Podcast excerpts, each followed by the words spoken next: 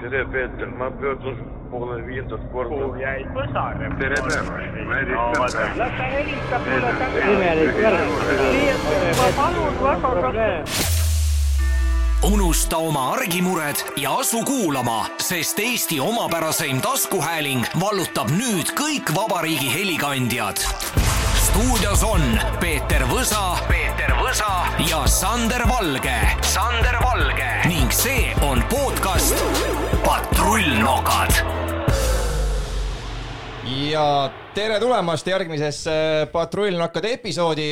tere, Peeter, tere tulemast ja röga, röganokad jälle eetris. röganokad jälle eetris. Peeter, sinu suur unistus on äh, täitunud, täna on meil külas siis äh, üks äh, naisterahvas, kelle käe alt on läbi käinud, ma julgen öelda, tänaseks päevaks kindlasti rohkem kui kolmkümmend tuhat Eesti inimest. kolmkümmend kolm tuhat. Kolmkümmend. kolm tuhat. tere, Epp ja nüüd sa õpetad mind, vanainimest ka seksima või? tere, Peeter ja tere, Sander. tead, me oskame kõik seksida, aga vahe on lihtsalt väga suur selles, et kas me teeme seda teadlikult. See, see, see oli, see oli väga raske. Peeter- ma, ma ei ole mõelnud selle asja peale niimoodi. ma küsin, küsin võib-olla kohe, Peeter, alustuseks, mida sinu jaoks tähendab teadlik seks? ma tean, kellega seksin, et see toimub kaine peaga. Äh, kindlasti alkohol naudingute juures mängib rolli, eriti naistel, kui on nagu probleem ennast vabaks lasta, siis alkohol teeb natukene neid lustikumaks ja võtab ära mingisugused hirmud ja piirangud. aga teadlik seks kui selline tähendab seda, et sa oled sada protsenti kohal. See- no aga kaine peaga ongi võimalik kohal olla ju. jaa, ja aga, ja e- esiteks ja teiseks ma ei tea, mind küll purjus naised väga ei sütita. jaa, ega purjus nagu naine kindlasti ei sütita, aga vaata vahest nagu üks-kaks pokaali mõnele naisele mõjub äh, vägagi vabastavalt. et kui nad muidu püüavad olla mingites raamides, siis pärast äh, kerget kokteili nad tunnevad ennast vabamalt. see, see on nagu keskmise Ja, Eesti, ja. Eesti mehega, kes läheb äh, klubisse, siis Ei, no muidu- täpselt, muidu ei, on ma- kuujalg, aga peale ühte kokteili liigub äh, ja nagu naistega, naistega siis tähendab sama, muidu nad üritavad näidelda kedagi, keda nad ei ole, käituda nii, nagu nad tegelikult ei oska, rääkida sõnu, mida nad ei valda, tunda tundeid, mis ei ole nende omad, eks ole, ja siis, kui ennast täis lakuvad, siis tundub, et kõik on ilus. Ma ei tea, purjus naine on väga kole naine. Õnne, õnneks neid on muidugi vist läinud äh, tänapäeval natukene vähemaks, sest et inimesed, vähemalt minul on, kes klubipidajad tuttavatest on öelnud, et alkoholimüük on äh, viimaste aastate jooksul äh, olnud ik- ikka väga madalal, et No. see, sellist asja nad pole näinud. mul on, mul on elus sama etapp olnud, kus ma ka proovisin äh, alkoholikaubanduses kätt ja, ja tuleb tõesti tunnistada, et meie noortega on midagi juhtunud, aga see, et nad oleksid, see, et alkoholi joomine on lõppenud, jaa, see on tõde, aga et kõikidest meelemürkidest oleks lahti öeldud, ei, seda ei ole. vot seda ma tahtsin sinnasamma jõuda, Peeter, mis sa ütlesid, et pigem on see, et alkoholi juuakse vähem, aga meele, meelemürke kasutatakse rohkem.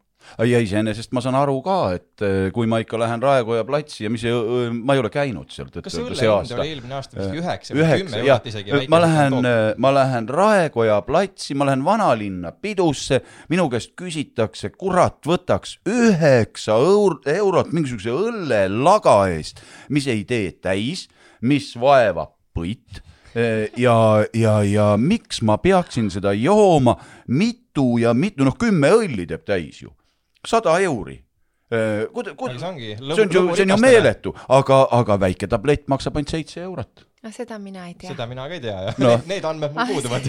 no ma nii vähemalt olen kuulnud või saanud aru sellest asjast. okei okay., no ühesõnaga see siletab äh, nii mõndagi, aga rääkides äh, käesolevast aastast kaks tuhat kakskümmend kolm Sepp äh, alustuseks äkki võib-olla teed sellise ütleme nii, et ilmaennustuse nagu saatele kohane, mis siis on praegu trendid äh, nii vallalistele kui suhtes olevatele, mis on selle võib-olla kevade kõige suurem äh, tähtsam teadaanne, mida võiks, peaks teadma üldse?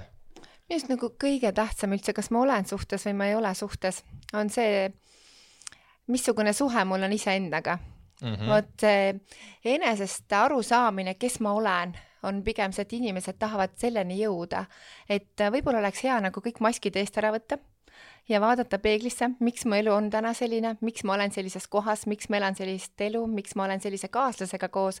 et äh, see valetamine iseendale võiks ära lõppeda. mm,. ausus. ausus on ühesõnaga kõige, kõige olulisem. aga palju on üldse tegelikult, ma arvan, et sul on äh, ka äh, läbi aegade koolitustelt läbi käinud inimesi enam-vähem umbes oskad öelda, palju on selliseid suhteid, kus tegelikult äh, ollakse lihtsalt äh, endalegi teadmata lihtsalt kohustusest koos või siis, et keegi ei oskagi nagu lihtsalt niisama olla minu koolitustele need inimesed enam ei tule, sellepärast et nad on käega löönud mm -hmm. ja Mhm. nad ei viitsi enam sellesse suhtesse panustada. pigem tulevad need, kes on värskelt suhtesse läinud või siis on olnud äh, koos just sellises kohas, et lapsed on kodust välja kasvanud, aga midagi veel on, aga vot nüüd tahaks seda kõike uuesti nagu kogeda, et liblikad oleks kõhus ja kirge torm ja rohkelt naudinguid et ühesõnaga liblikaid on võimalik tagasi tuua ja muidugi on, aga see eeldab, et mõlemad pooled panustavad, mitte see, et üks ainult mm. -hmm. ja teine ootab. kui ma ei saa suhtelt seda, mida mina soovin, siis ma ei saa öelda, et mees on nõme ja vastik. vaata peeglisse, mis on sinu sisend, mida oled sina sellesse suhtesse andnud. Epp, ma ähm, kuskilt ma, kuskilt ma lugesin ühte, ühte artiklit ja, ja seal pandi sind ja siis äh, ma ei mäleta veel, veel kedagi, äkki oli Ants Rootslane ja äh, ja seal oli veel, veel inimesi täiesti erinevatest eluvaldkondadest mm. -hmm. ja ma saan aru, et äh, ühendavaks jooneks oli valitud see, et aga teil ei ole akadeemilist diplomit Tead, erialal, mida tead, te on- esindate tead, see on nii hea küsimus. mis allikast te hangite oma informatsiooni? mina ei ole terapeut, mina ei ole seksiekspert ja minu teadmised tulevad läbi kogemuste. meil ülikoolis akadeemilises hariduses ei ole võimalik omandada seda, mida mina täna jagan. mina ei tee oma tegevusega mitte ühelegi inimesele kahju. me ei vaja teadust selleks, et seksida, me vajame teadlikkust selleks, et seksida ja see, mida mina jagan, mul ei oleks koolitused välja müüdud, kui ma teeksin inimestele kahju ja tänaseks ma olen tõesti kaheksa aastat teinud neid koolitusi ja järjest nooremad ja järjest vanemad, et ütleme, vanus kaksteist kuni kaheksakümmend on need, kes käivad mul koolitusel. meil ei ole ei põhikoolis, ei gümnaasiumis, ei ülikoolis sellist infot, mida mina jagan ja kust see tuleb see tuleb läbi kogemuste. ehk ma olen loonud midagi, mis inimesi kõnetab, mis päriselt magamistoas töötab. Seal ei ole vaja teadust, seal on vaja teadlikkust ja oskusi. huvitav, ma ei ole, ma ei ole sinu koolitustel käinud mina. arvan, Peeter, et sina et mina peaksin olla. käima Jah.. Epp, ma pean sulle tunnistama, et ma olen elus üsna palju asju näinud. ihusilmaga. seksist, sünnist, surmani kuni isegi selleni välja, kuidas Keskturu väravas äh, proua ja neljajalgne loom ühte heitsid. mm. -hmm. mida minusugusel veel õppida on sealt? tead, isegi kui sa nagu kõike tead, siis see koolitus, mis ta tavaliselt inimestega teeb, ta võtab ära selle häbi.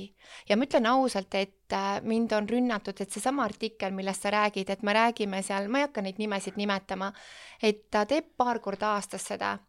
Ja ma ei lase sellest ennast mõjutada, sellepärast et inimesed otsustavad, mida nemad vajavad.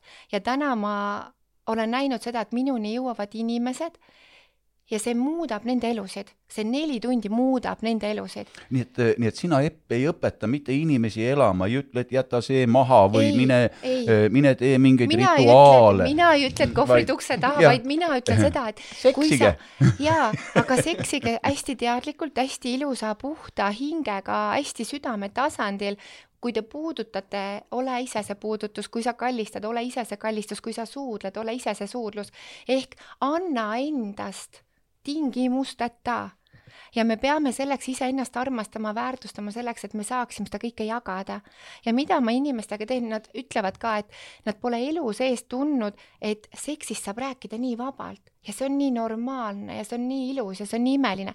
Need mehed ja naised, kes seksivad nagu loomad, sorry, siis nad ei saa aru, miks ma seda teen, aga nad ei ole kunagi kogenud neid ilusaid, võimsaid, sügavaid, kauakestvaid, orgasmilisi, eluessentsilisi naudinguid. no mm, ütleme, et tegelikult äh, äh, seks eraldi võttes, jah, tõesti, on seks asi iseenesest, aga seks on ka, ütleme, äh, ühiskondliku hierarhia äh, toimimise vahend, näiteks vanglates, kes keda peksab mm, -hmm. kes kellega seksib, kuidas mm -hmm. seksib, kus kohas ja millisel moel. see seks, kõik sätib need inimesed äh, redelipulkadele ja eks ka elus ole ju niimoodi, eks ole, et on neid mehi tuhvlialuseid äh,, kellega naine elu läbi toimetab nagu tahab ja, ja, ja, ja on vastupidi neid juhtumeid, kus siis äh,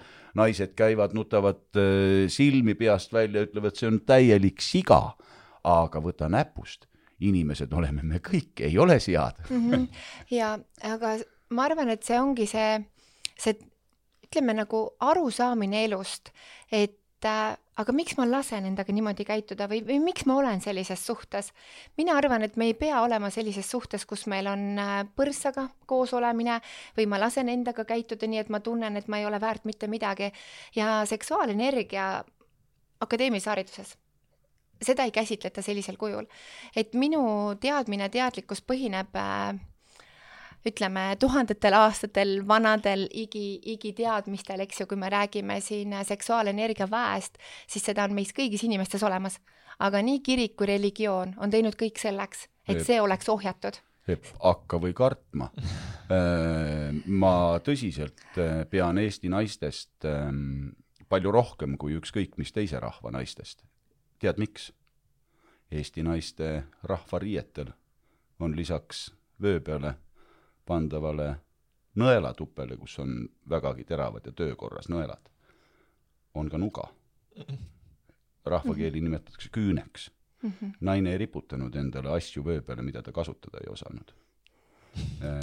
Eestis äh, on naine läbi ajaloo otsustanud, kes temaga seksib ja kui naise tahtele vastu minnakse, siis ei ole mingit põhjust arvata, et vanasti naised seda nuga kasutada ei osanud.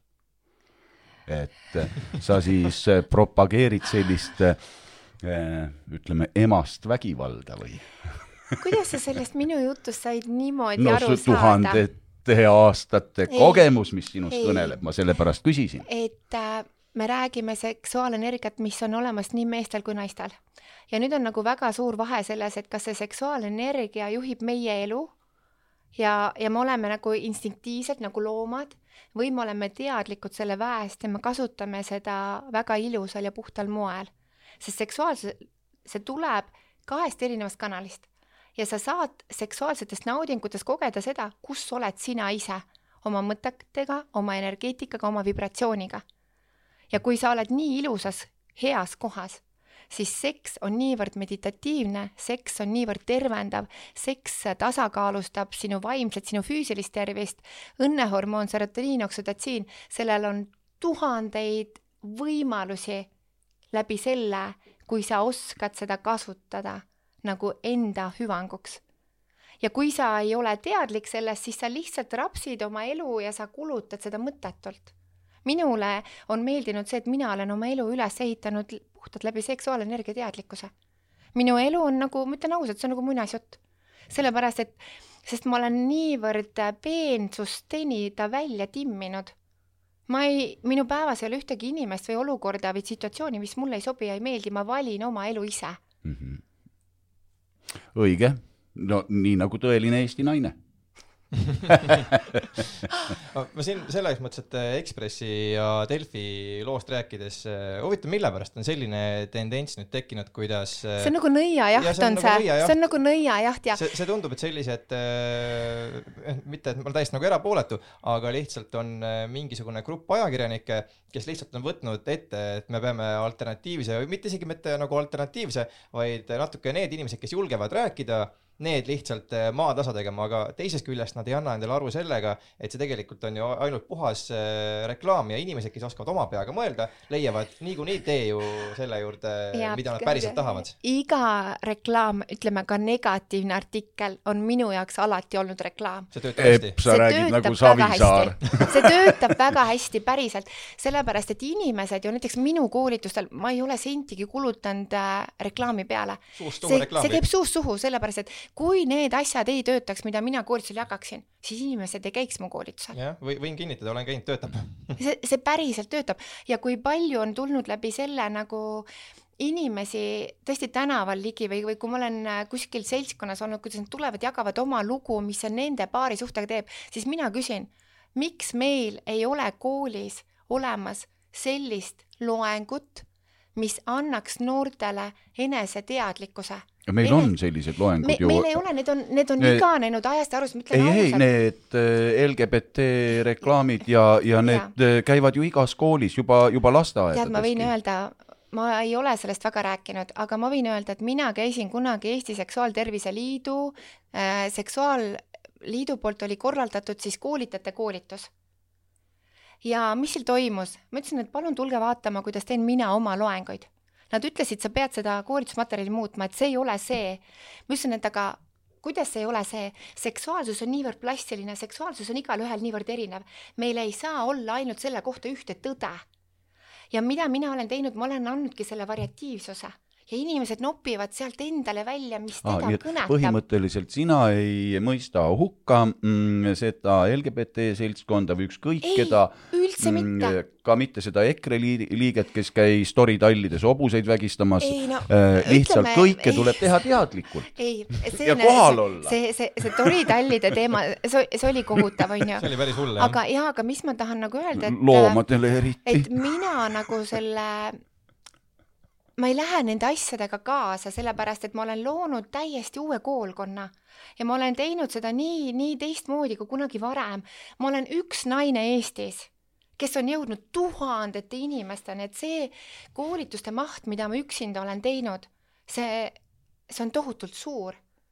ja kuna ma olen saanud nii palju positiivset tagasisidet nendelt inimestelt, kes on minuga kokku puutunud, kas on need noored, kas on need teismelised, kas need on vanurid, kas need on vanemad, kas need on vanaisad, siis nad jagavad seda, mis on muutunud peale seda nende elus. Ja see on ülipositiivne. ehk mind rünnatakse sealt, nad ei ole keegi käinud minu koolitusel, nad ei tea, millega on tegelikult tegu. Ja on olnud inimesi, kes on tulnud eelarvamustega ja pärast lõpus tulevad ja kallistavad, vot nüüd me Epp saame aru, miks sa teed. kunagi, kui ma alustasin, siis ma julgesin ka välja tuua mõned arstide nimed ja ma sain sellest, näed, et nad kirjutasid mulle, et Epp, et ma olen ikkagi andnud mingisuguse vande, et see, mis sa teed nagu, et noh, me ei tohiks seda nagu toetada, aga tegelikult allhoovusena.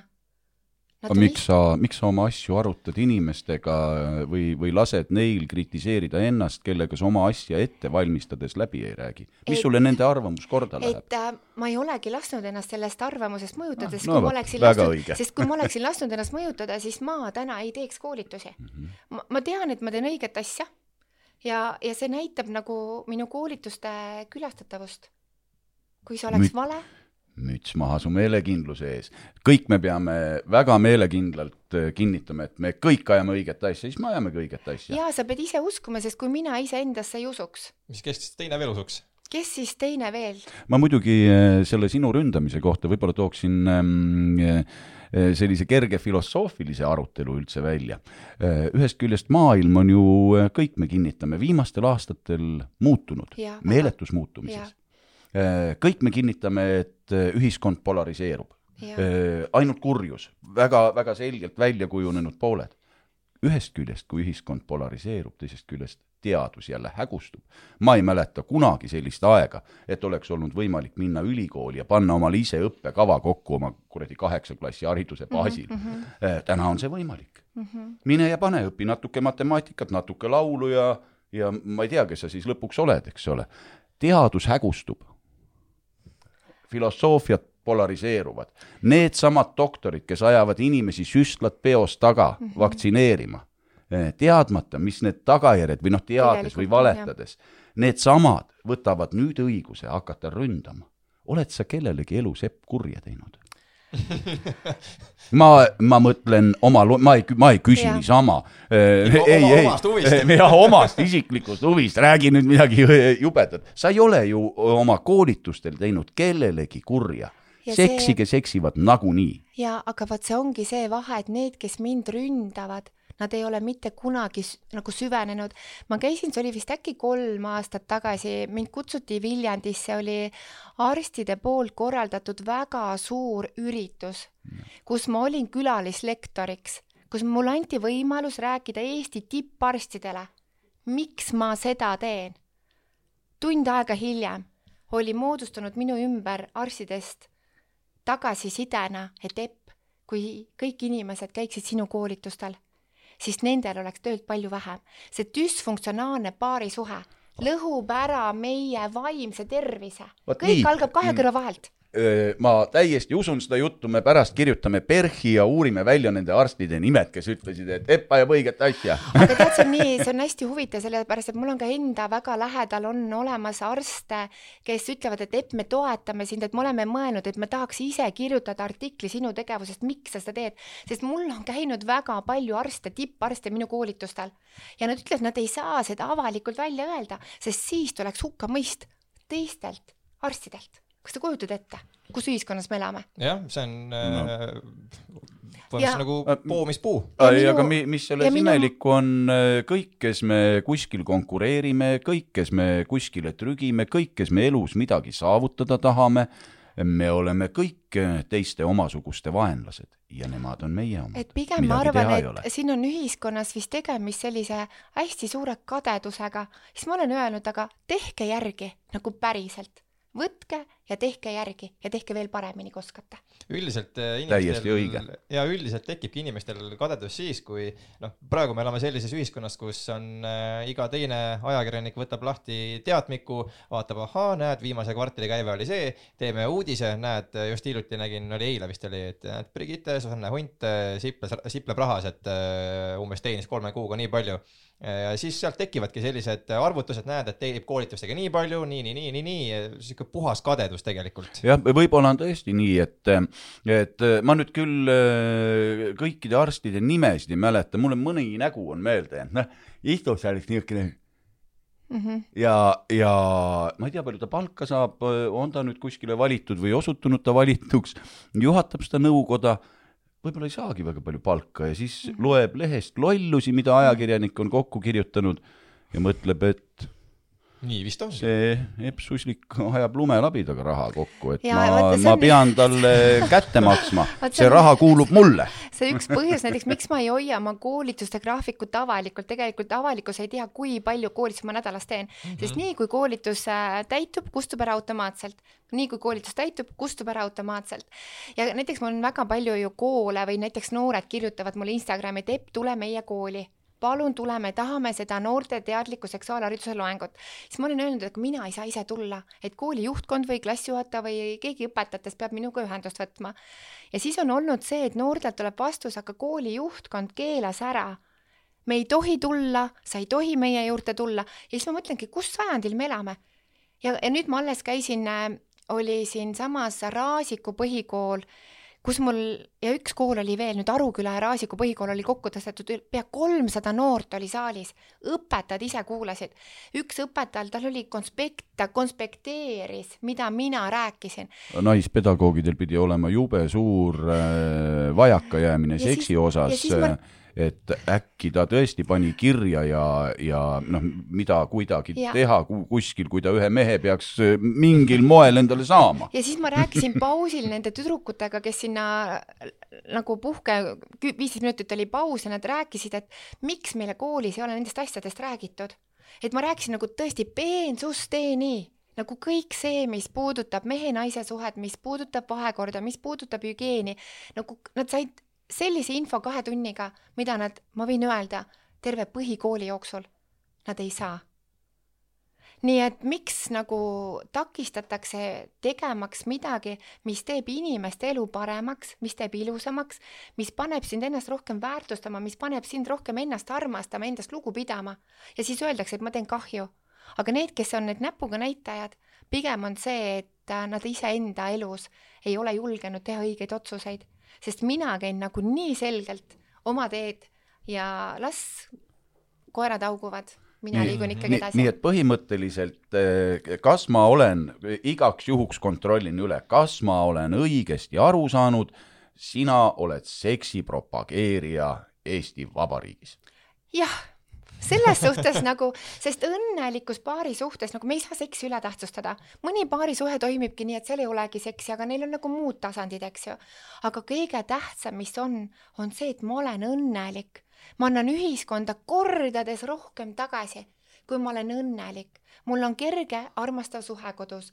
ma olen terve, minu vaimne tervis on terve, ma suudan tööl olla produktiivne ma, ma saan kordades rohkem anda kui siis, kui ma olen katki, ma käin arstide vahet, mul on pidevalt on mingi stress, depressioon, ärevus, pinged. ma, ma ei ole produktiivne.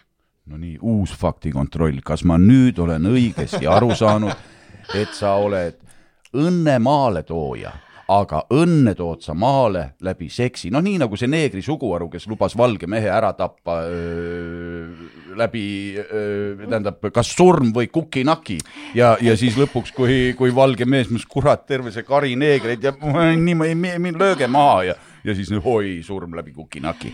Et äh, ma pigem arvan, mis mina, Peeter, olen teinud ühiskonnas selle kaheksa aasta jooksul, ma olen äh, seksi normaliseerunud, normaliseerinud, see on elu imelisem osa, see on väga ilus, see on täiesti, see pole see, et naine peab hambad ristis seda ära taluma, vaid see on nagu mõlemale poolele peab olema meeldiv, mitte see, et mees tuleb ja teeb midagi, aga see naisele ei sobi. kas sina Peeter no,, naine ette? peab äh, mi-, kuidas see nüüd oli, naine peab hambad ristis ära kannama, ma tean nihuksi naisi, keda mees peab hambad ristis ära kannatama, ei jõua ei jõua Ja järgi joosta, naised on ju hullud ometigi noh. et äh, tead, see seksuaalsus on hästi erinev, aga, aga millele mina nagu rõhun läbi oma koolituste, on see teadlikkus ja julgus magamistoas rääkida et me peame magamistoas rääkima, mis mulle sobib, kuidas mulle sobib, mida ma ootan, kuidas mulle meeldib. väga paljud on need, et nad ütlevad, see on nagu nii piinlik on nendest asjadest rääkida. aga meil ei ole ju ka tegelikult nagu meil, meil ei ole olnud ei kodus ega koolis võimalust nagu kuulda nendel teemadel. noh, see on ikkagi olnud väga suureks tabuks ja see mõjutab meid, aga minu arust nagu igaüks meist nagu iga täiskasvanud inimene, kes täna on lapsevanem või ta vastutab selle eest, kuidas see, kuidas tema suhtub seksi, ta annab ju selle edasi. mina annan seda edasi, et see on väga ilus, see on väga loomulik, see on vastastikusel nagu lugupidamisel, see on vastastikusel nõusolekul ja me peame rääkima, me peame rääkima, see kommunikatsioon on kõige tähtsam. Nonii, nii et äh, sina siis õpetad eestlasi magamistoas rääkima. jah, see on, see on väga hea definitsioon Just.. korraks siin äh, see mõttevälgatus ka enne, ühesõnaga, miks ei taha võib-olla väga paljud äh, koolid, ametiasutused, hariduskeskkonnad, et need koolitused toimuks, võib-olla selles suures ringis on sama nagu ravimitega, et muidu ei ole ju apteegidel ravimijarikatel mida müüa. me oleme enne rääkinud kogemusnõustamisest ja, ja, Ja- nendest olukordadest. mina pigem arvan, et ei, ei ole nagu, nagu olukord selline eh, nagu ravimiturul, vaid pigem nii nagu sellel kogemusnõustamise turul, et üks MTÜ on võtnud kätte selle niši kuidagi kavalalt ära täitnud ja, ja, ja ometi ei ole see amet kogemusnõustaja. See ei ole amet, mida võiks koolis õppida, saada diplomeeritud, aga nad ometi diplomeerivad ja ütlevad teistele, kes tahavad ka oma kogemusest rääkida, et sina loll, ole vait, sinul ei ole elukogemusi, ainult need, kes on meie juures koolis käinud, nendel on elukogemused. ja aga noh, nii paljud õpetajad on ju ka käinud mul samamoodi minu koolitustel ja nad ütlevadki, et nad ei saa ettevalmistust näiteks nendel teemadel rääkides, et kui me räägime seal näiteks ka mehe või naise füsioloogiast või me räägime mehe-naise anatoomiast, et et noh, minu taust on lihtsalt see, et ma olen õppinud Hiina meditsiini, ma olen lõpetanud Tartu Ülikooli kehakultuuri teaduskonna, hea küll, kehakultuuri teaduskond, aga samamoodi anatoomia, bioloogia, füsioloogia, seksuaaltervise alused, see on kõik mul ülikoolis omandatud. Ja lisaks, kui palju ma loen teaduslikke artikleid, reegleid või lisaks, kui palju ma hoian kursis sellega, mis maailmas toimub. et kuna mul on väiksest kas maailmas toimub, vabandust, ma lõikan vahele, aga kas maailmas toimub praegu Maailmas midagi toimub, säärast, millest mina veel mitte midagi te- vana ja rumal ei tea? et lihtsalt nagu selles suhtes, et me, me aina rohkem me jõuame sinna, et ka väga paljud arstid on jõudnud sinna, et see, mis meil toimub kahe kõrva vahel, see mõjutab tervet minu tervist. ka minu, minu, ma ei tea, seksuaalset võimekust või, või, või seksuaalset sellist vastupidavust või, või näiteks kui, kui palju meestel nagu on erektsiooniprobleeme või kui palju meestel on enneaegset seemnepurset. ma seletan kõik need asjad koolitusel lahti ja nendel asjadel on olemas lahendused. ja veel, mida ma teen, ma teen ju terviseennetust. ma räägin igale mehele alates viieteistkümnendast eluaastast tuleb hakata kontrollima enda munandeid kord kuus, viisteist kuni kolmkümmend viis viimastel aastatel on kasvanud munandite vähk. kas meil koolis räägitakse, kas teie kaks kontrollite iga kuu enda mune? ikka aeg-ajalt tuleb katsuda, jah. jaa. kas sa teed seda teadlikult või lihtsalt sügad, on ju, need on kaks erinevat asja. või kas või see pani nüüd küll mõtlema. või, või kasvõi see, et näiteks ka meestel esineb rinnavähk, et ka mehed peaksid oma rindasid kontrollima või see, et mees võiks kolmekümne viie aasta vanuselt minna esimest korda üldse tervisekontrolli. ehk tegelikult väga paljud on üllatunud, et kui nad tulevad minu koolitusele, kaks tundi on teooriat kus ma räägin mehe tervisest, ma räägin naise tervisest, ma räägin paarisuhtest. ma olen äh, õppinud üks aasta sellist sissejuhataval kursusel Kiira järve juures äh, baariterapeutide sissejuhatuse kursus, kus on kõik see peresüsteem, kõik need genogrammid, eks ju, kuidas me kordame oma vanemate mustreid, ehk see info tegelikult kaks tundi, Sander võib öelda, see on tohutult suur maht. Ja teine osa sellest on alles praktika. Ja nad on ääretult üllatunud, et nad tulid justkui seksikoolitusele, aga nad lähevad ära ja nad saavad nagu sellise ampluaa hulga rohkem teadmisi, teadmisi, jah. hulga rohkem teadmisi, asjad võib-olla, mida Nojah, sa aga- tegelikult te tead, aga samas on see, sa ei oska neile mõelda. jaa Ehm, absoluutselt, aga, aga mis, mis oleks minusugusel, kel on võib-olla elada jäänud kaks-kolmsada kuud ainult veel, mis sa, mis sa, mis sa sellisele õpetada suudaksid? vaata, ega mina ju sinu tausta ei tea, aga siiamaani ei ole küll ükski mees kurtnud, isegi kui ta tuleb koolituselt, noh et ma, ma tean ju kõike. ja kui seal lõpus on tagasisidering, siis nad kõik ütlevad, et isegi kui sa arvad, et sa kõike tead, siis alati on midagi, mis vajab meeldetuletamist, natukene värskendamist või ka siis hoopis uut nurka, kuidas läheneda. no see on, see on nii kui, nii kui eh, noh, näiteks nagu ravimtaimede raamatuga, et sa ikka aeg-ajalt pead üle vaatama ja meelde tuletama,. ja üks ja, ja, ja üks mees ütles niimoodi, et temal on kogu aeg olnud varem nagu tunne, et ta on nagu suur laev, eks ju, sellisel ulgumerel, aga ilma kompassita. aga nüüd peale koolitust tal on tunne, et see kaart ja kompass on tal kaasas, sa saad ju täiuslikku kaart ja kompass on olemas, aga nüüd on vaja veel leida igatahes seltsimehed naine. nii et äh, jaa, seda, sellest koolitusest ei ole nagu kasu ainult sulle magamistoas, vaid see on, mida ma ilmselt propageerin ka, on selline holistiline maailm. Ehk kuidas sa enda mõtetega lood oma elu, kuidas sa ise võtad vastutuse enda elu eest, sest mida ma jagan, ma jagan ju enda elu. Sest ma ütlen, see on kõigil võimalik, et see, kust mina olen alguse saanud, kust mina olen tulnud, kus on minu juured, aga mul on olnud alati väga suur teadmine, kuhu mina elus tahan jõuda. ja ma julgustan kõiki Mhm. valima oma elu. sul võib olla, Peeter, sul võib olla raha, sul võib olla positsioon, aga mida sa raha eest ei saa osta? tervist ja sa ei saa osta elu. sul Nii peab olema on. teadlikkus selleks, et elada elusat elu. muidugi ähm,. Epp, millal sa taipasid, kas see oli lasteaias, oli see põhikoolis äh,, oli see keskastme viimased klassid või ülikooli esimene kursus, millal sa taipasid, et mina, minust tuleb seksikoolitaja Epp Kärsin? ma olen seda lugu nii palju rääkinud, aga minu ema ütleb, ma olin selline laps, et ma olin, võisin olla mingi nelja-viieaastane ja minu ema siis tollel ajal olid ju kolhoosid, eks ju, ta oli, töötas seal avangardikollhoosis, ta oli agronoom ja agrokeemik täpsemalt, eks ju, ja seal oli hästi palju koloosis oli ju mehi ja, ja kui mind sülle võeti, ma olin selline hästi imearmas, siis ma kõik mehed, kes mind sülle võtsid, ma tegin keelega, tõmbasin üle põse, ütles murimusi, onju. ehk ma alati nagu seltskonnas, kus ma olin, ma valisin alati nagu mehed, et mulle nagu kogu aeg, mulle meeldinud poistega rohkem koos mängida, ma olen kogu aeg nagu meeste seltskonnas olnud ja ma olin kuskil kümneaastane, kui Eestis ilmusid sellised raamatud nagu Kaunid valged laigud, Eesti esimene seksiraamat, Millest elab armastus. Need on mul kapsaks loetud. Ma ei jõudnud ära oodata, see teema oli minu jaoks nii huvitav ja, ja mina mäletan äh, ainult ühte.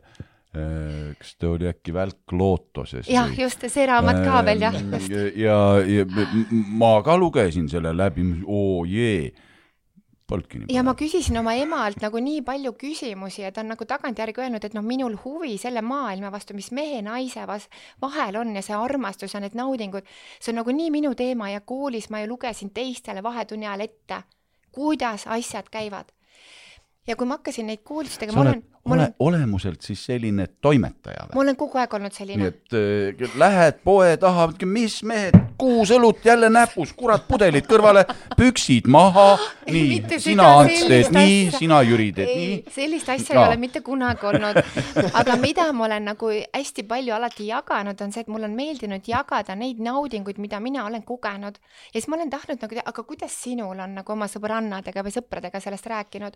ja ma olen olnud ju terve elu ettevõtja, ma ei ole kunagi käinud palgatööl kellegi alluvuses, et ma oleksin kella kaheksast viieni tööl. ma teadsin juba kuue-seitsmeaastasena, et kelleks mina tahan saada ja aga noh, ma ei teadnud ju, et see minu teekond on äh, läbi seksuaalsete teemade. aga kui ma hakkasin neid koolitusi tegema, siis kõik minu sõbrad, minu klassiõed, klassivennad ütlesid, aga kes siis veel, kui mitte sina, sest ma olen kogu aeg neid asju teinud. aga kuidas elu on olnud, et kuna ma olen ettevõtja olnud, siis et läbi ettevõtluse sa teed midagi, sul on tulnud takistus, üks takistus, teine, kolmas, aga elu ise lükkas mind sinna suunda ja nii kui ma alustasin nende koolitustega aastal kaks tuhat viisteist, seitsmes veebruar, mul ei ole olnud, olnud mitte ühtegi takistust. välja arvatud siis mõned kibestunud inimesed, kes äh, avaldavad arvamust väga negatiivsel viisil ja moel, aga see on vesi minu veskile, nii et ma teen seda, mida ma armastan ja ma teen seda kirega. see on alati ja niiviisi, see on oluline. ja see on oluline ja see on see, et eh, kui ei oleks eh, negatiivset tagasisidet, ei oleks selliseid ilkujaid, siis eh, oleks midagi valesti. ja, et mina neid, jah, tegelikult on küll niimoodi, et, et kui sind kõik ainult kiidavad, siis sa pead tõsiselt mõtlema, et midagi on nagu väga valesti, Aga see tõsiselt valesti see-. ma naudin neid oma lugusid, mille eest ma saan kuskilt sõimata.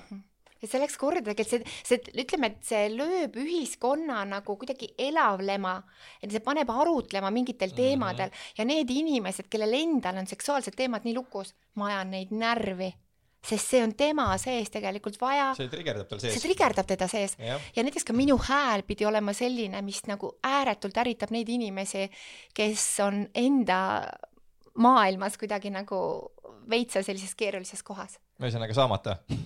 jah, sek- ja seksuaalselt rahuldamata inimene, mees ja naine, no see on, me liikluses näeme neid, me näeme poemüüjatena, me näeme neid õpetajatena, me näeme neid töökaaslastena ja naistel on eriti, sa tead, kuidas sa enne näitasid nii hästi, kuidas me tunneme ära, kuidas on seksuaalselt naine rahuldamata.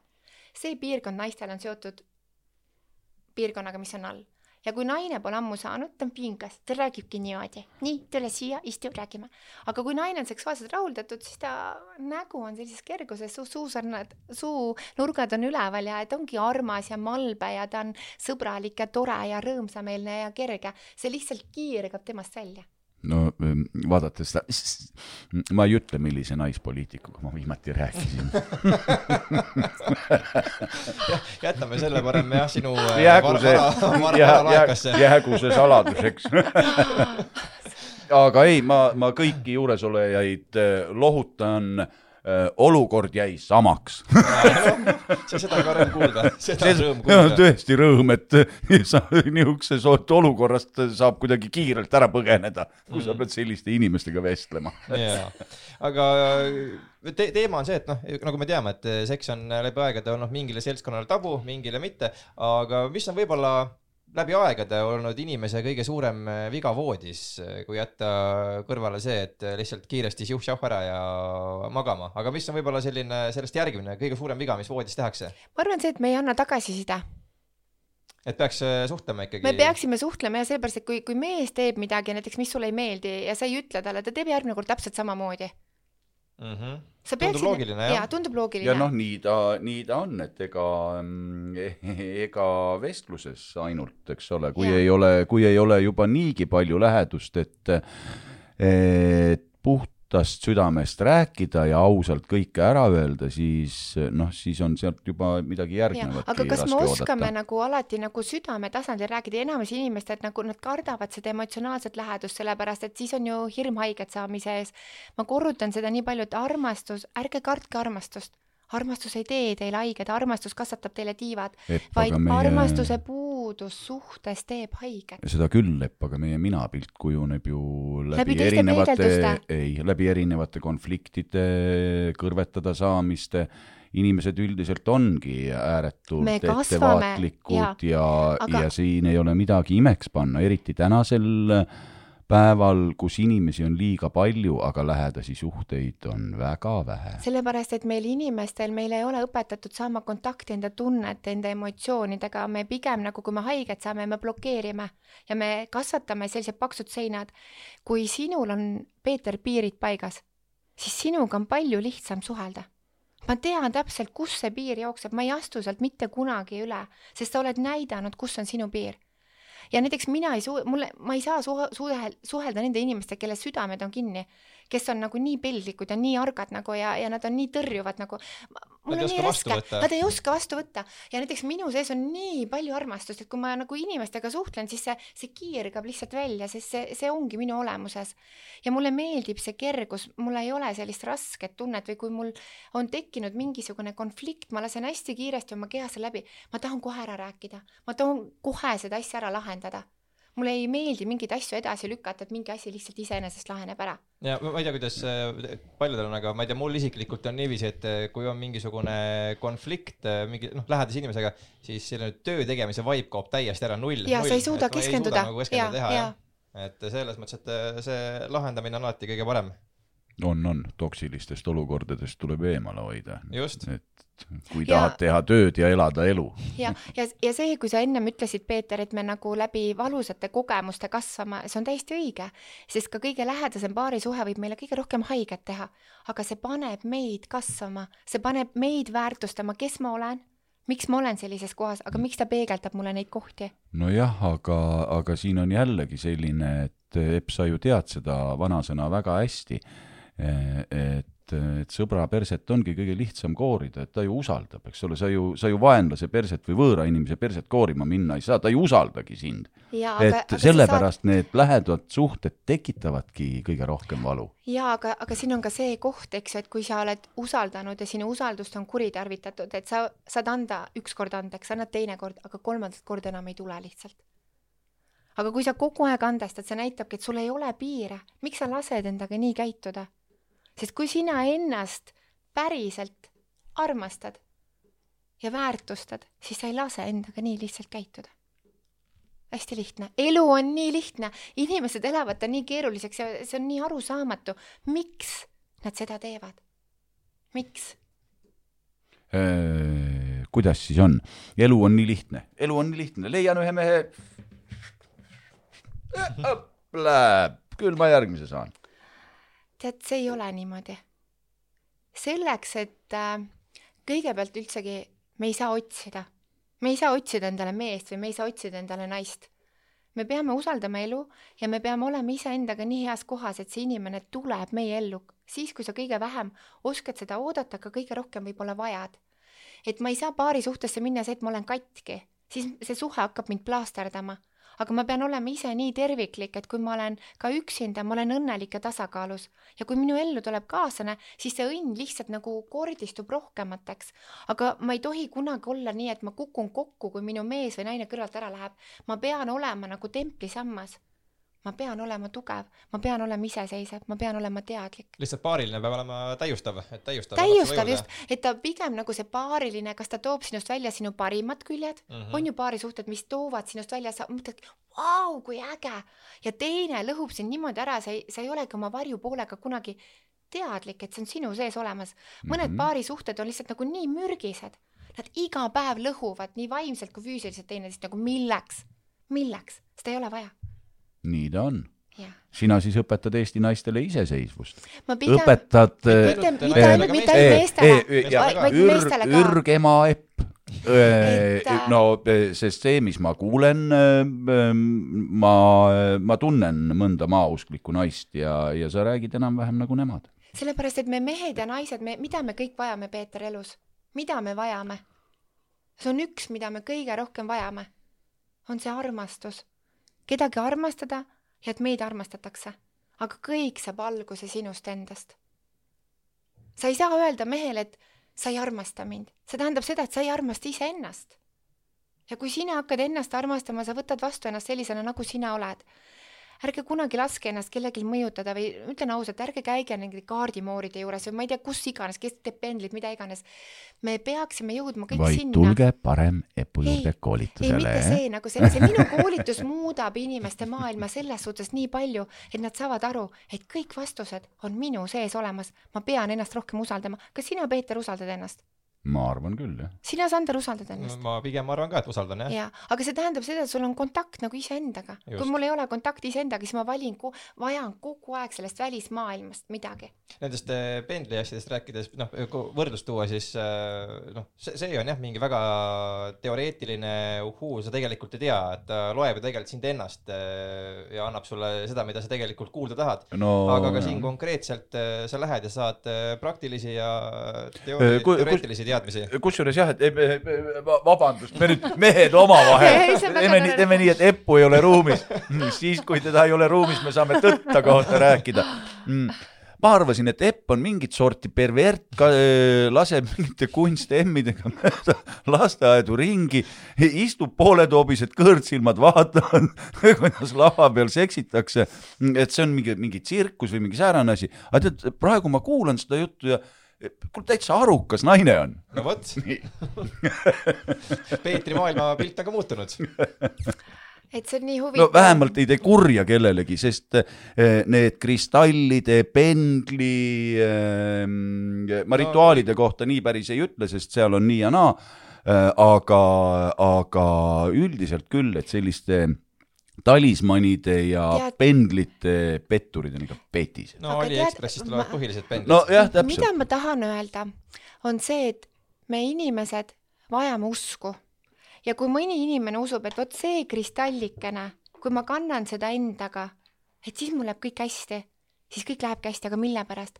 kaheksakümmend protsenti meie mõtlemisest saab alguse meie elukvaliteet ja kui ma mõtlen positiivseid mõtteid, see on teaduslikult tehtud, siis meie, meie, meie keha nagu häälestub tegelikult parima ja me hakkamegi nagu ilusamaid asju enda ümber nägema ja paremaid asju me ja me tõmbame, me, me resoneerume nagu paremate inimestega, paremate elukvaliteetsemate asjadega, noh, asjad asjadeks, aga lihtsalt me loome oma elu ise. ehk ma tahan öelda seda veel kord, et meil on olemas nagu inimesi, kellel ei ole nii suur usk iseendasse, aga see kivi aitab teda ja ühel hetkel ta ütleb, aga mul ei ole vaja seda kivikest või seda pärlikeed, onju. ma tean, et ma saangi hakkama ka ilma nendeta, aga need on mingid esimesed sammud võib-olla, mida ta vajab selleks, et saada nagu kasvada tugevamaks.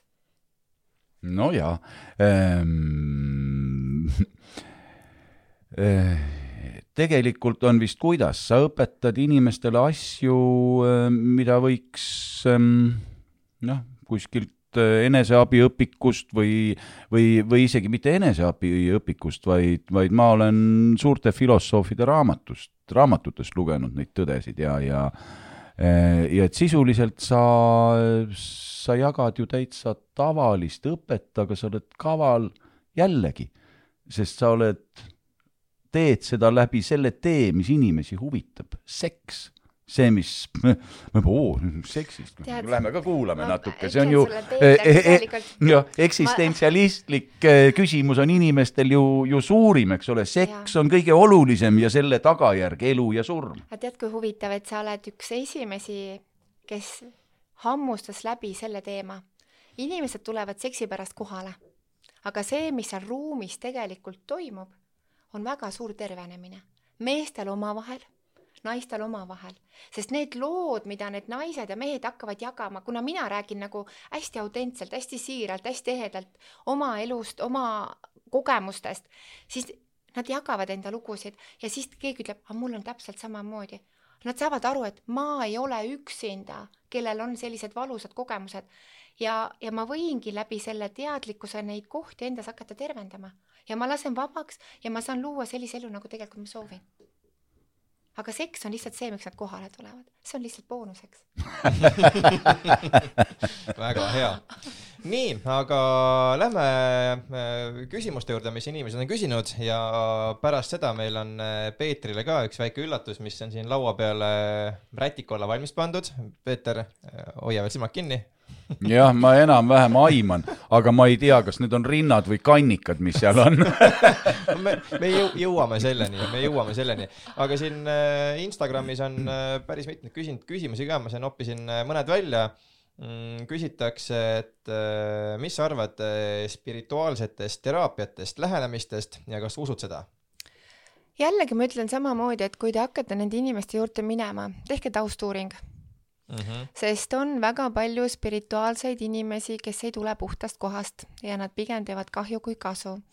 aga needsamad spirituaalsed õpetajad või terapeudid, kes on, kes on, teevad seda tõesti siiralt ja väga ilusal moel, siis see võib olla inimesele väga suureks abiks. Mm. aga kuidas üldse vahet teha, ütleme tavaline keskmine Tarmo näiteks Elvast äh, on äh, eluga pahuksis jõuab kuskilt äh, Google'ist reklaamini, näed, mina olen äh, tervendaja Vello ja tule minu juurde, kuidas Need- ma saan teada, et ta on nagu tõelised, autentne? need tõelised tervendajad ei pea ennast reklaamima.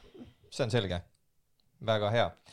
nii, küsitakse veel seda, et äh, kas Epp on oma elu jooksul proovinud ka narkootilisi aineid? jaa, ma olen seda teinud, aga ma olin kuskil, nüüd ma võin sellest rääkida, ma olin kuskil kuueteist-seitsmeteist aastane ja siis Eesti turule oli tulnud amfetamiin. ja ma olen nüüd hiljem seda oma emale rääkinud, et kuidas sa ei saanud aru. Mm -hmm. ma tulen koju, varem ma läksin magama, siis ma hakkasin toas mööblit ümber tõstma. Ema ütles, ta lihtsalt ei osanud nagu, sel-, sellest on möödas väga kaua aega ja ma sain väga kiiresti aru, et see ei ole minu tee, sellepärast et ka sellest minu enda sõp-, sõprusseltskonnas, kes oli kes äh, jäi kinni, kes hakkas ise diileriks, kes lihtsalt äh, sõitis autoga vastu puud, eks ju. et neid äh, lugusid on väga kurbasid ja, ja mul on endal tütar ja ma olen äh, talle hästi ausalt jaganud enda lugu, et see ei ole mingi lihtne asi. et kui sulle pakutakse, et siis sa tead, mis on nende ohud, et ma olen nagu väga tänulik sellest, et ma tulin sellest niimoodi väga lihtsal moel välja. nii et Epp, mis sa siis, kui, kui, kui ma nüüd eh, väidan ühte asja, siis ole hea ja, ja kinnita või lükka ümber, eks ole, et, et see, mida kuri nõid katlas keedab, kuigi see võib-olla tundub ahvatlev, mm. -hmm. on ikkagi seesama Sa kuri asi mida kuri nõid nagu- on katlas ja keetnud. et pigem nagu need noored ka, et see ei ole niisama lihtne, et sa proovid, sa võid ükskord proovida, sa võidki jääda sinna, sa ei saagi oma elus edasi orgi otsa, et pigem ma enda kogemust küll võin öelda, et pigem hoidke nendest eemale. ärge ajage ravimit Jah. Mõnuainega. segamini Ja ja näiteks, mõnuainega näiteks ja täna ma, täna ma võin ka öelda, ravimiga. et, et alkoholi ma tarbin üliharva üli,, ülivähe ja, ja ma ei, ma ei tunne vajadust sellele, mul on nagu elu on niisama nii tore ja nii lõbus ja nii rõõmus, et ma ei pea selleks kuidagi ennast äh, vabaks laskma läbi alkoholi, mul on niisama ka. mm. -hmm. siis küsib üks äh, naine, et kas soovitad naistel magada paljude meestega, et voodielu äh, osas kogemusi saada? vastupidi, kui sa oled ühe partneriga koos, siis te peate pidevalt kogu aeg leiutama ja üllatama teineteist. et kui sa tahad neid kogemusi, et sul on vaja erinevate partneritega, siis mina ei saa panna kätt ette, aga sinu enda hing peab sees helisema. minul ei ole olnud mitte kunagi ühtegi ühe öö suhet mm -hmm. ja mina endasse suhtun, et minu keha on minu hingetempel ja minu hing on lihtsalt nii ilus, et ta ei taha selliseid kogemusi kõlab loogilisena vägagi. nii, küsitakse veel äh, sellist asja, et kas äh, Eppul on äh, sõltuvusi ja milliseid? jaa, mulle meeldib tantsida. seksisõltuvus ah,. see, see, seksi, ma, ma, no see ei ole ma arvan, sõltuvus et. see ei ole sõltuvus jaa sõltuvus, aga, aga sõltuvus, mulle meeldib sporti teha, ja et see on nagu kindlasti üks osa, mulle meeldib väga rattaga sõita ja mulle meeldib tantsida. Et need on pigem ja sõltuvus muidugi puudutused ja lähedus, see on nagu minu üks suurimaid sõlt- ja ma tahan alati need siin ka Peetrit kogu aeg, ma, olen selline hästi, kes kehakeelt räägib, et ma, ma kogu aeg pean puudutama kuskilt niimoodi, et, et see on pigem jah, et ma, mulle meeldivad mina, inimesed. mina olen, mina olen jälle, jälle absoluutselt vastupidi, keegi mind puudutama, kui ma olen pingesse, tõmban eemale ja, ja, ja. Ma olen täna siin mitu korda juba puud- siis, ma nagu vaikselt juba hakkan mõtlema, et rändaks ära, kurat, nii kaua, mis asja ta on- tahab must. kas sul on täna see tunne olnud või? ei ole. aga noh, ma üldiselt kirjeldan, Jaa, mis jaa. ma, kuidas ma ennast tunnen, kui inimesed tulevad mu juurde ja kukuvad mind ahistama. ja just, just.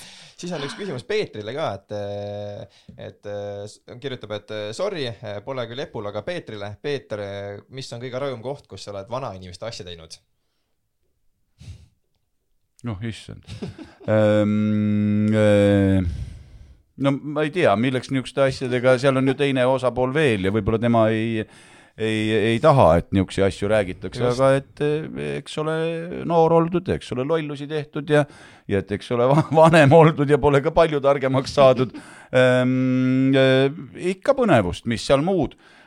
ma selle põnevuse pakkumise koha pealt tahtsin veel rääkida ikkagi selle loo, et jah, et ei, ei, kui on ikka niisugune paar ja pikka aega koos ja siis tuleb põnevust pakkuda, tead seda lugu küll, kui mees tõi jahipüssi voodisse, mõtles, et teeb naisele üllatuse ja kõige õigemal hetkel vajutas, siis pani toru aknast välja, ma ütlesin, aa nüüd on üllatus sulle, vanamoor, lasin litaki ja vanamoor kakas voodi täis ja mees lasi oma kõige parema härja maha.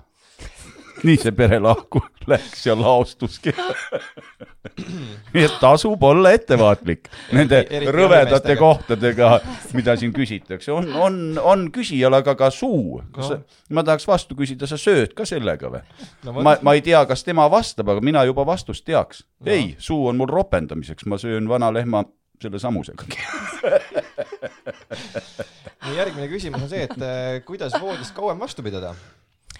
Igal mehel on olemas äh, eakulatsioonimehhanismid, mis hoiavad seda äh, nagu seemnepursat tegelikult. et äh, üks supertehnika, mida ma tõesti soovitan, kui naine tuleb lingami koolitusele, see tagasiside üheminutilisest mehest on võimalik teha mees, kes kestab voodis viisteist minutit, pool tundi, tund aega. seal on lihtsalt vaja saada kätte see tehnika ja see käib tegelikult niimoodi. ehk siis põhimõtteliselt on see, et saatke oma naised koolitustele. naise koolitusele saatma. lingami koolitusele, jah. Et seda ma peensusteni õpetan naistele. nii et eh, kõik meeskuulajad äh,. kodulehekülg eppkarsin.com. ja oi, Epp tegi reklaami ka ära Jah. ma just mõtlesin, et ma tõmban, tõmban kogu, kogu su koolitusele kriipsu peale ja ütlen, kuulge, mehed, teate, mis on? minge mesiniku juurde, keda te usaldate, teate, et soga ei müü. ostke õietolmu, pange õietolm pisikesse pudelisse, piiritus sinna peale, jätke aknalauale kaheks kuuks ja sihukest tungrauda teist ei ole olemas. ärge, ärge otsige seda röga ja löga, mida jälle kurjad nõiad kokku keedavad kuskil pajas ja, ja lõpuks on teil probleemid eh, südame ja kõige muuga. nii et loodus, loodus, lihtne asi. aga kindlasti, kui on. nagu naine pakub mehele seda lingamimassaaži, siis ma ütlen ausalt, mehed, et see, kui teie hakkate naist puudutama nendest imelistest naudingupunktidest ja kuidas naise seksuaalsus avardub ja avaneb ja iga seks on imelisem kui eelmine, sest lage naudingutel olemas ei ole. selline tuim nagu seks nagu, mis on pornofilmis, see rikub naise tupetundlikkust kordades nagu, ütleme mitte, et ta ei riku, vaid isegi ta muudab nagu tundetumaks.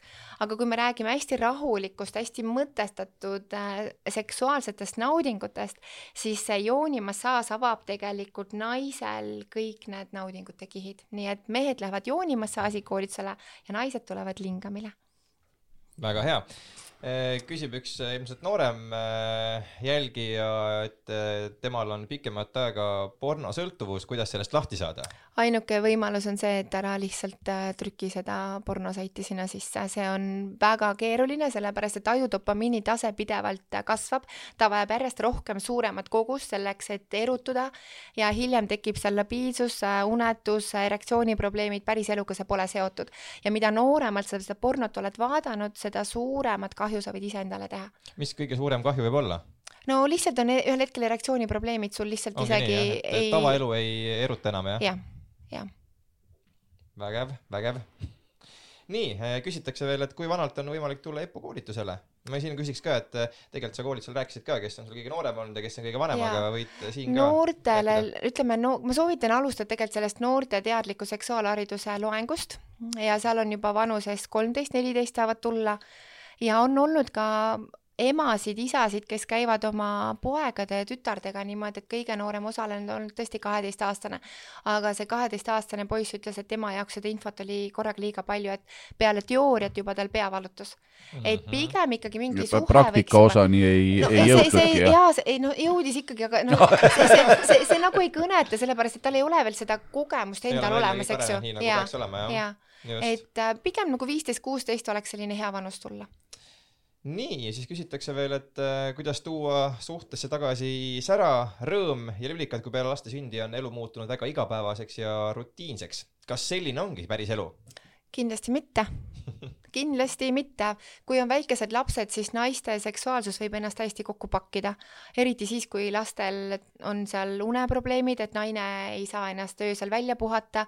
Ja mis on esimene asi, kui naine on üleväsinud ja unetunde pole täis magatud, see on teaduslik uuring, ta lükkab mehe ja seksi oma elust välja, aga nii kui mees hakkaks rohkem panustama, läheb ise öösel kustutab lapse magama, paneb mähku, teeb piima soojaks, eks ju, naine magab oma unetunnid täis, siis ta suure tõenäosusega võtab mehe tagasi.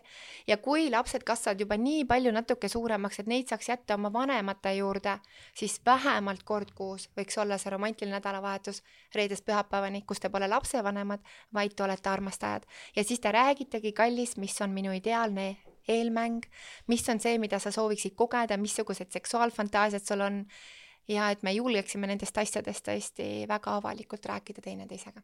mm. -hmm. nii, ja siis küsitakse veel sellist asja, et kui palju naine päriselt meest mõjutab? Öeldakse, et väga eduka mehe kõrval on väga tark ja teadlik naine. mehed võib-olla vajavad rohkem seda, et naine usuks neisse, rohkem teda tunnustaks, annaks positiivset tagasisidet ja see tõstab meest.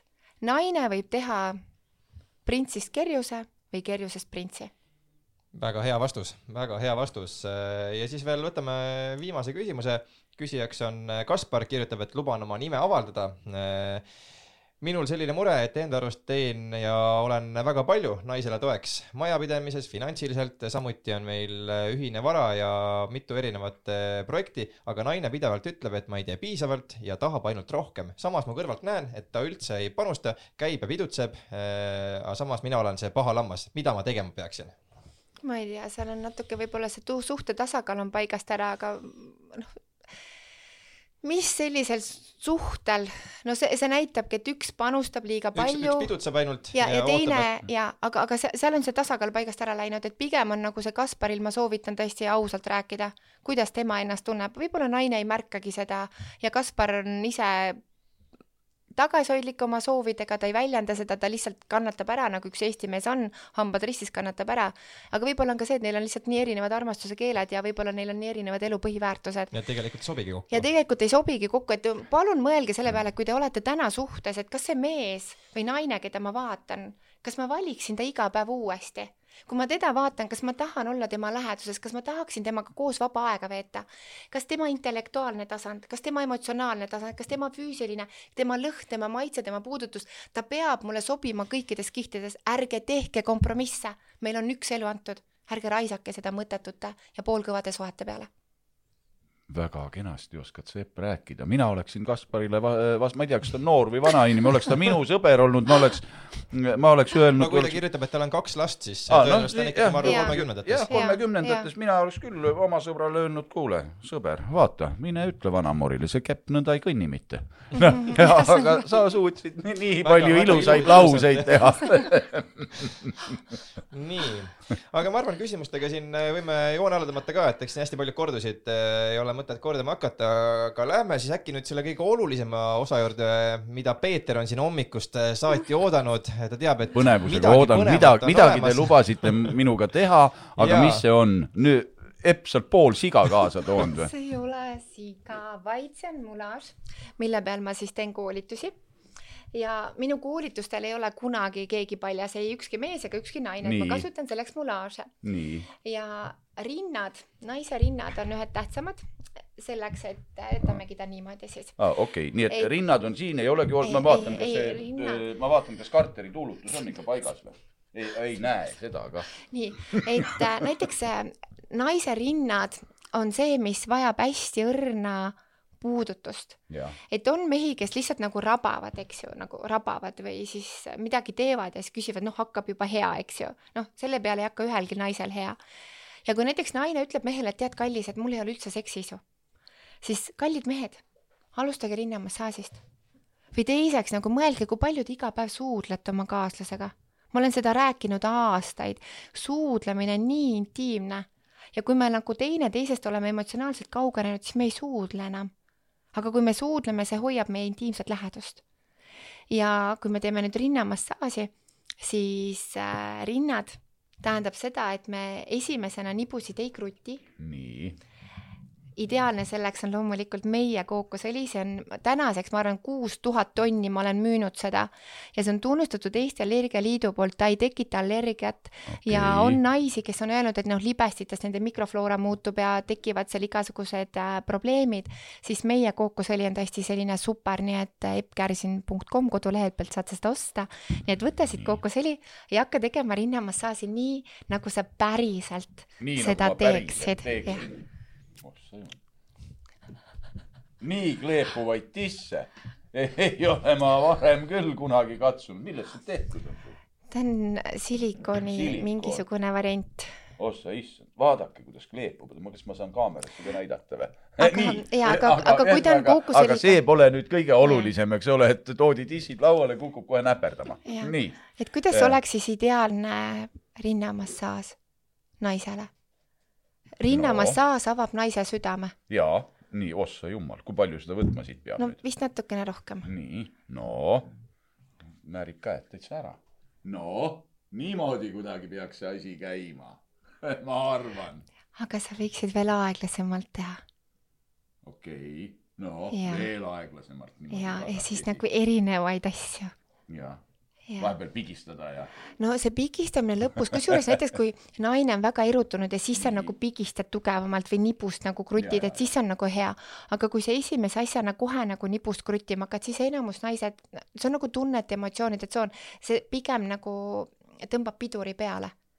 Et no. sa pead nagu teda niimoodi meelitama, hästi nagu sensuaalselt ja malbelt ja niimoodi no,. niimoodi muudasakesi ja siis tegema erinevaid et liigutusi nagu- ja mitte vasakult paremale ainult, vaid, vaid paremalt vasakule ka. kumb on parem, kas päripäeva või vastupäeva? see- rindade puhul see pole oluline, aga Pole kõhuringidel, näiteks kui me teeme kõhuringe, siis pigem soovitakse rohkem nagu päripäeva teha. aa, okei okay., noh, mina muidugi tean seda, et kõik, mis pöörleb päripäeva, see annab lisa Eesti rahva Jah. usundis jah, ja see, mis pöörleb vastupäeva, see vähendab. nii et kui sa tahad, et sul naisel oleks suuremad rinnad, siis rahvausundi põhjal peaks nagu Olema äh, päripäeva. parem päripäeva, eks ole mudima neid. ja kui sa tahad, et rinnad jääksid väiksemaks või hoopis ära kaoksid naisel, vahel võib ju tahta.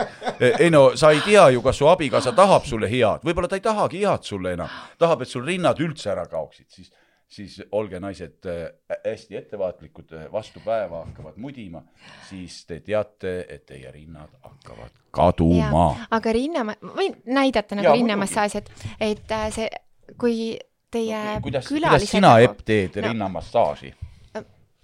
mina olen, ma olen seda hästi avalikult jaganud, et äh, ma ei saaks olla koolitaja, kui mul ei oleks olnud nagu kogemusi, et mul on olnud nii naistega kogemusi kui ka, eks ju, meestega, et äh, et naiste rinnad, on olnud naisi, kes ütlevad, ei rinnad, et need, need ei ole üldse nagu tundlikud, aga väga suur osa ongi sellest, et kuidas sa seda rinnamassaaži teed, noh parem on, eks ju, kui kõik äh, sõrmused tehtud on ära võetud, eks ju. ja. käed peavad alati soojad olema.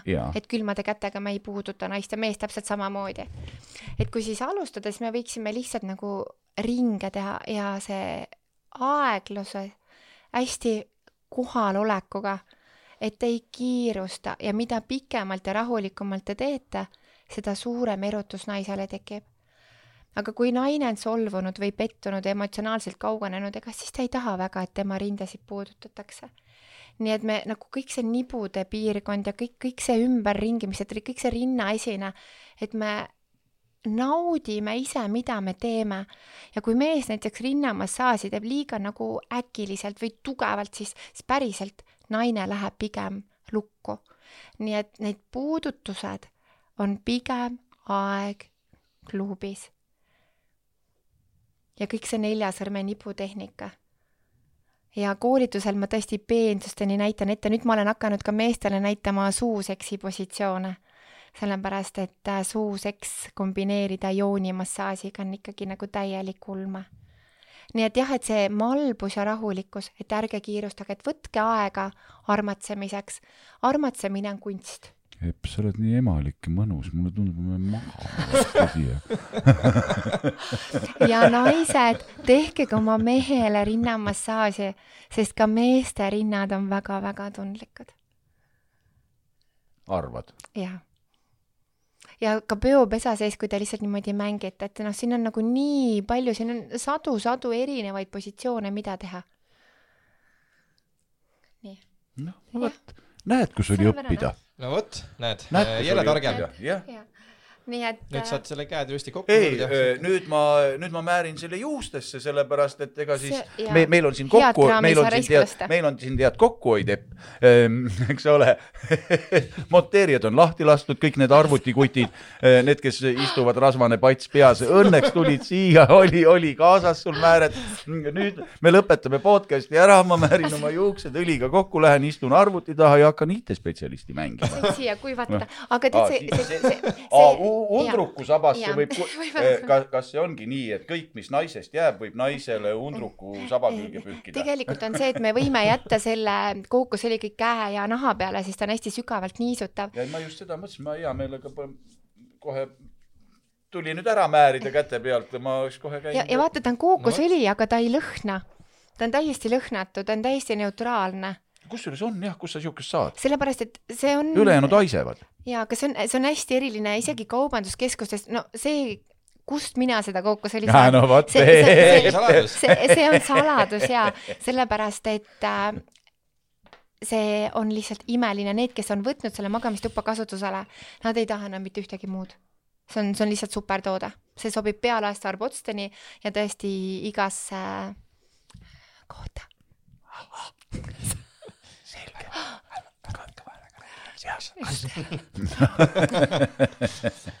väga äge nii. et ja need on kingituseks, ma ei tea nüüd seda, ma võtsin ka ise siit, äkki ma peaksin uue purgi tooma, et äh, Sander, sinul on koks mul on olemas ja. ja siis on see purk sulle, oi, aitäh, jah. nii et pane valmis, sullik. küll sa tead. nii et Peeter, ma saan aru, et sinuga me kohtume siis minu koolitusel. Äh, jaa, ma lähen äh, koju, mõtlen järele, mis vanainimesel veel seksist on arusaamatuks jäänud. mõtlen järele, millist, sest seks ei ole lihtsalt seks, seks on ka osa elufilosoofiast muuseas. noh, kristlus õpetab väärastunud seksi äh, mehe ja naise vahel, kes peavad äh, sünnist surmani koos elama, piinlema ja üksteist piinama. loodusrahvad näevad seda asja teistmoodi, on hoopis teistsuguseid öö, uskusid, mis kinnitavad, et võib omada mitut äh, naist või ka meest. mitut meest. ei ole jaa. üldse, ei ole üldse vähe neid riike, kus on naisi Lubatud, vähe jah. ja, ja naised valivadki endale mitu, isegi vist, mis siin rekordid, kuni kaksteist meest või, täie-, täiesti noh, ikka et ma arvan, et see seks on võib-olla natuke liiga palju ületähtsustatud, eks ju, et äh, see seks, kui me teeme seda vastastikusel kokkuleppel, et on ju ka mehi-naisi, nad elavad koos, aga nad on leppinudki kokku, et me oleme pikas äh, argipäevas olnud, pikk äh, paarisuhe on selja taha, aga me tahame mingit värskust. võib-olla võtame teise paari juurde või võib-olla me jagame ja ongi paare, kelle suhe toimib niimoodi, aga teised on hästi monogaamsed, mõned on hästi nagu jagavad, polügaamsed, eks ju. ja mida ma tahan öelda, et lihtsalt kõige olulisem on see, et sinu hing heliseks sees, et sul oleks kergus, rõõm, elulust, et sa naudiksid elamist, sa naudiksid inimeseks olemist ja seksuaalsus, vaimsus, materiaalsus. Need on kõik omavahel seotud et äh, mida julgemad me oleme seksuaalset naudingut kogema, seda julgemalt me julgeme oma elu elada.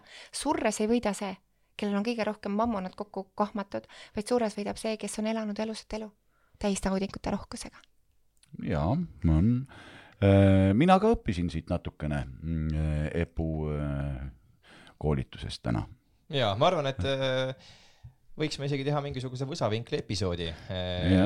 no mõtleme välja, mõtleme välja, igatahes seksis ma vist väga palju targemaks küll ei saanud, aga kõik need elu põhitõed, et usalda ennast, ole julge tegutsema, ära lõhu oma hinge, ära lase seda teistel lõhkuda. vot see, need tõed me kordasime üle siin. absoluutselt. nii et seks tuleb välja, jäigi väga kõrvaliseks teemaks, kuigi me terve, juba väga pikka aega oleme siin raha lugenud ja seda samusti silitanud väga hea. ja üks fakt, kas sina tead, Peeter, kes oli esimene Aadama naine? esimene Aadama naine ei olnud Eeva. ja ei, ma, ma tean küll, see, see on pi, piiblit ma enam ei mäleta, ma seda nii ammu lugenud. aga seda piiblis ei olegi. ei olegi, jah, et, et ma olen sellest kuulnud, Eeva ei olnud esimene, fakti ma tean, aga rohkem mitte, mind kristlus ei huvita, mind võõraste ja, rahvaste usundid ei huvita eriti. et see naine, selle molaaži nimi on Lilit, sest Lilit armastas seksi ja naudinguid ja oskas seda väga väärtustada. aga Adam ei olnud tol hetkel sellises kohas, et sellest kõigest aru saada vot, väga selge eh,. tahad sa midagi veel lõpetuseks öelda eh,? mul inimest... oli väga lahe teiega. tänan kuulajaid või kes siis nagu neid küsimusi esitasid et äh, mina alati tahan öelda lõpetuseks seda, et mina ei ole seksiekspert ja ma ei pretendeeri üldsegi absoluutsele tõele, vaid ma jagan seda maailma, mis mind on naisena teinud ääretult õnnelikuks. selle lühikese vestluse jooksul on minul kujunenud sinust arvamus. noh, ikka kujuneb, nii ilmselt sinul minust ka. aga mina julgen nüüd täna sinu koolitusi soovitada. ma olen enam kui kindel, et sa ei räägi seal lollusi vaid, vaid et sa, et sa ei õpeta mingisugust jama, et sa ei pane inimesi käituma kuidagi ebaloomulikult ehm, ja, ja see, millest sa tegelikult räägid, noh, me selle sisuni jõudsime siin üsna alguses, see on ju lihtsalt elutõdede ülekordamine, mis kipuvad inimestel sageli eluvirvarris meelest minema. pigem ma tuletan inimestele meelde nende algkoodi, nende algolemust, et julgege olla need, kes te päriselt olete ilma maskideta. jah, tead, teadusnõukoja liikmed, ärge kartke heppu, ta ei võta teilt seda vaktsiiniäri üle, see jääb teile koos põhja kõrbenud külmlaoga. ja, ja üles soojenenud eh, põrandaga. võib-olla veel lõpetuseks eh, päris eh, lõppu meestele-naistele, mäletan koolitusel sa tegid päris hea sellise repliigi, et kuidas siis peaks naine minema võib-olla mehe juurde, kui ta tahab, et eh, võetaks nädala lõpus eh, näiteks jah, aeg, et eh, kuidas laste äratoomine, et võid Peetrile näidata ka ja siis sellega on, ma arvan, hea joon alla tõmmata no,. mul on käed muidugi rasvased, juuksed ka, aga ma olen alati valmis. kõige lihtsam, et mees sind kuulaks. ütleme üheksakümmend kaheksa protsenti juhtidel, juhtudel, see kindlasti töötab. mul ei ole mõtet talle lihtsalt midagi öelda kuskil kauguses, vaid ma lähen, kas, kas ma võin sind puudutada? ja võid küll, äh, võid, võid. Äh, kusjuures äh, juba sinu jutu alguses tunnen ma iseennast ära. mul on oma mõtteid tuhat tükki, ma jõuan neidki ära mõelda siis on veel mingisugused töised mured, äkki on veel mingeid muresid, ühesõnaga mul on tegemist nii palju, et, et me, me, me, keegi võib, ma võin isegi otsa vaadata inimesele ja tegelikult ma ei kuulnudki, mis ta ütles.